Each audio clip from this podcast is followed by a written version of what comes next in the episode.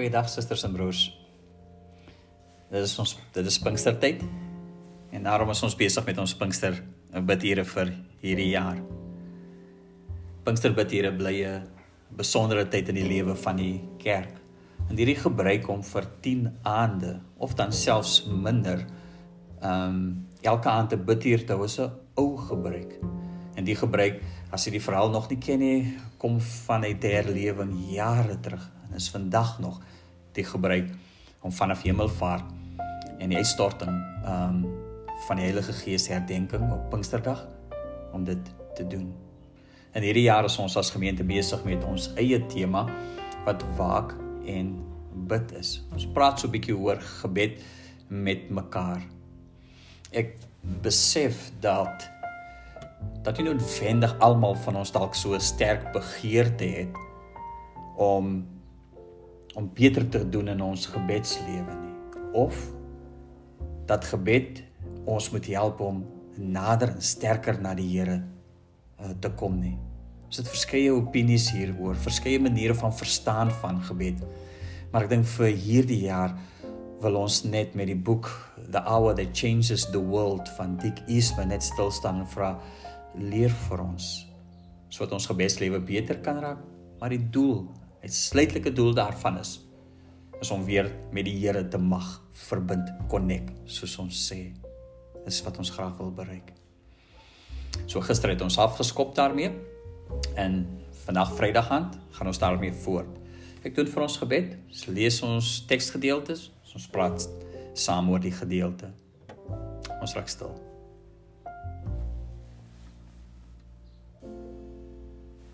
Hemelse Vader, Ons het geleer Here dat lofprysing Here die eerste deel hier moet wees van ons kommunikasie met U, van ons praat met U. En vandag Vader wil ek eintlik net as ons begin met hierdie bid hier Here. Here net dankie sê en vir U loof vir U magtige dade in ons lewens. Here die wat ons sien en ervaar en die wat ons nie eens weet van die Here. Die feit Vader dat U die aarde, Here, die hele kosmos Here in U hand hou en dat U alles bestuur. Dat U Heer is en God is van die heelal. En dat ons Here U kinders genoem mag word. Dankie vir U magtige dade in elkeen van ons lewens. En is waar Here wonderwerke lê verstrooi oor die hele aarde. Sien ons by mekaar koms praat weer met ons Here in Jesus naam. Amen. Vriende, genade en vrede vir elkeen van julle. Ons het soos gister net twee teksgedeeltes. Ek sal die twee verse net lees, kom albei van uit die Psalmboek. Psalm 27 vers 14 lees: Wag op die Here. Wees sterk en hou moed. Ja, wag op die Here. Ons tweede teksgedeelte is Psalm 46 vers 11. Bedaar en erken dat ek God is. Ek is verhewe bo die nasies. Ek is verhewe bo die aarde. Dis ons twee teksgedeeltes.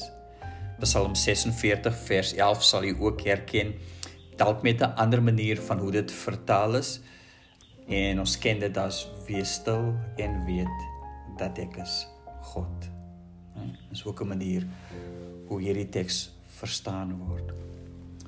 Ons het die elemente van gebed met ander woorde, dis mos waarna ons kyk. Eerste element was om alle eer aan die Here te gee as sy eerste stap in ons gebed en dit eerste wees in ons gebedens, gebede. En vandag is ons weer hier om met 'n tweede element stil te staan. En hierdie element is wag. Dit is die element. En dan word die tweede deel waar ons moet stil staan in ons gebed is met hierdie om te wag. En later ook sal ons ook verstaan dat hierdie wag ehm um, beteken ook stilte, nê? Nee? Nie praat nie. En dis wat ons gaan op fokus vandag. As ek net weer iets oor Eastman se boek kan sê wat ek volg grootliks wat hy vir ons skryf in sy boek The Hour That Changes the World is dat dit nie net sy insigte oor gebed nie, nee, maar is is insigte wat hy bymekaar gemaak het van verskeie gelowiges oor die jare heen. En daarom is dit eintlik 'n uh, 'n uh, op boek waarin ons baie kan leer oor gebed oor die jare heen en wat mense daaroor gesê het en self beleef het. Maar vir vandag om te wag is die element. Eastman sê it is a most vital element of prayer. En dit dalk vir ons verrassend dink ek dat wag en stilte deel van ons gebed moet wees. As Eastman so praat oor verskeie van gelowiges en oor mense oor die jare en oor die eeue heen. Met ander woorde wyse mense, mense wat in die in hulle geloof in die Here wondere kon doen, dan sê dat stilte was 'n groot element van hulle lewe. En daarom het hulle elke dag stil geraak, gewag vir die Here. En dit beteken dat hulle daaglikse lewe, jy weet die gewone goed van elke dag, dat dit in aanbidding verander het. Soos wat hulle dis aangaan soos wat hulle doen en soos wat hulle vir die Here werk en soos hulle daaglikse take doen en in stilte en wag op die Here, raak alles aanbidding. En dit stel hoekom hulle regtig waar the great and the wise uh ook is. Gebed leer ons dis is eintlik onvolledig sonder stilte. En miskien moet ons dit seker net herhaal. Gebed waarin daar nie wag is nie of waarin nie stilte is nie. Son volledig.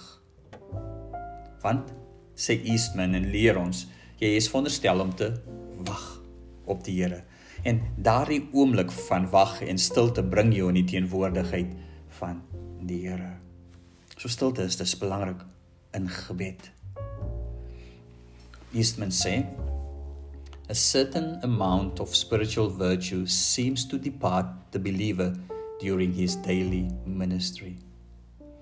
Hy sê dus dat soos wat ons elke dag leef en soos wat ons elke dag die Here dien, besig is met die dinge van elke dag, is daar 'n soort van ons deegsaamheid van die impak wat ons kan hê op hierdie lewe en op mense.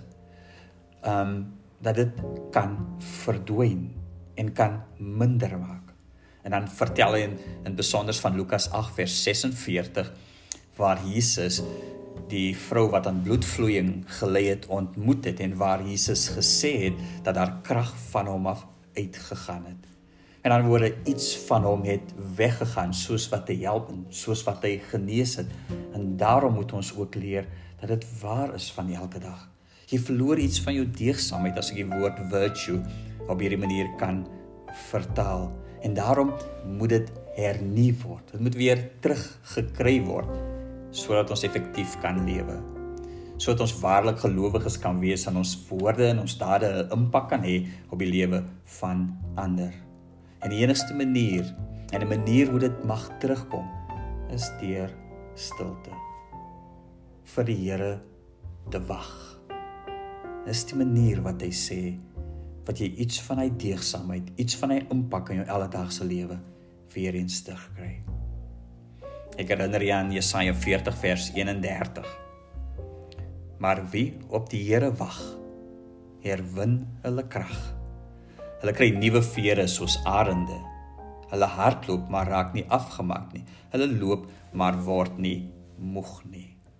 Dit is 'n bekende vers vir ons en vir die eerste keer leer en lees mense met hierdie fokus dat wag op die Here en stilte voor die Here herwin jou krag dink ook aan Psalm 130 waar die psalmdigter sê ek wag op die Here.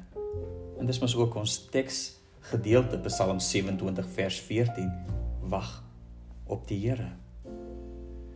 So dis die element wat ons moet kry in ons gebedslewe. Eastman sê waiting on the Lord is basically the silent surrendering of the soul to God. Hy sê dis nie is nie dagdroom nie. En word hierdie stil word deur die dag is nie dagdroom nie. Dis ook nie lofprysing nie. En dit kom later.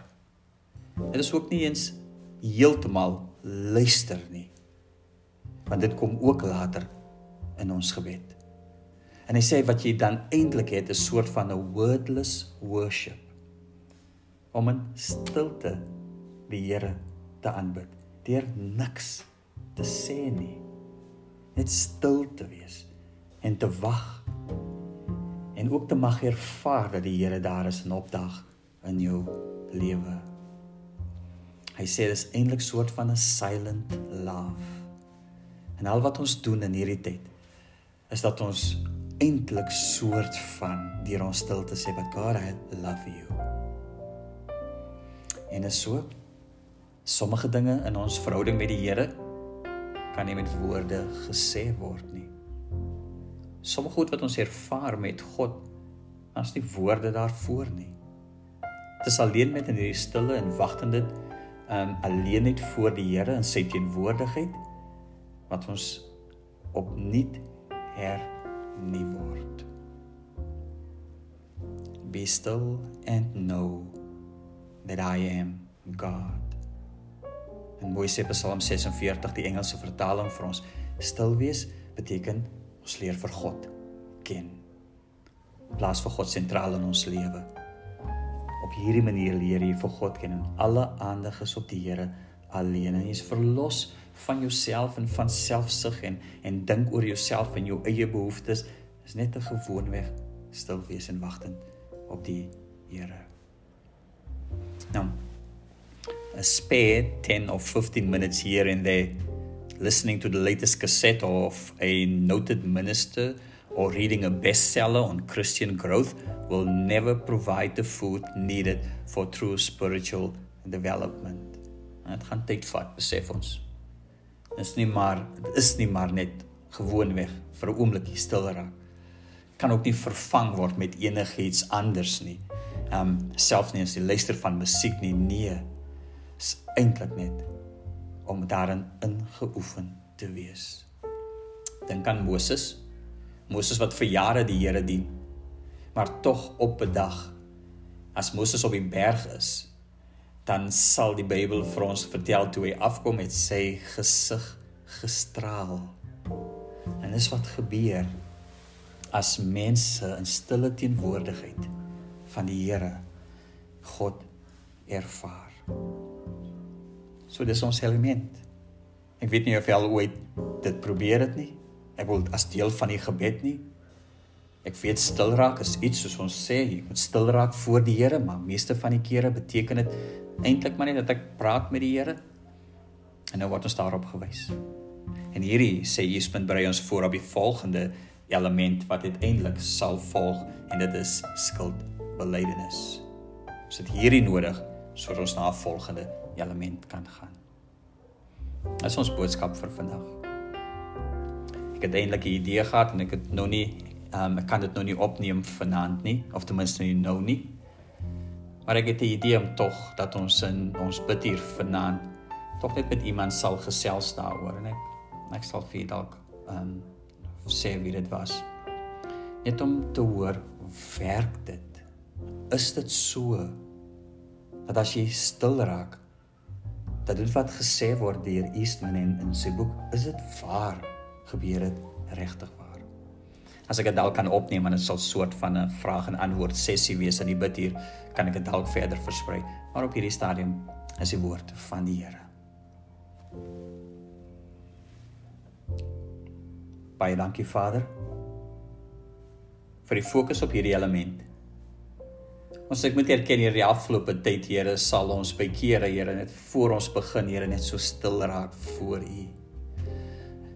By kere Hemelse Vader en het ons ook net Here tyd gegee vir vir stil wees en baie kere Vader het ons dit gevul met ons eie goed Here. In plaas van Here na U soek het ons baie keer Here innerlik maar net in onsself gedelf. Dankie dat ons nou 'n element kan leer wat Here die potensiaal het. Dankie Here daarvoor om ons so in verbinding met U te bring. Dat ons Here nuwe krag sal ontvang, soos Jesaja sê, en nooit moeg sal word nie. Seën ons Heer. Mag die genade van ons Here Jesus Christus, mag die liefde van God, mag troos en bemoediging van die Heilige Gees ons elkeen se deel wees. Amen.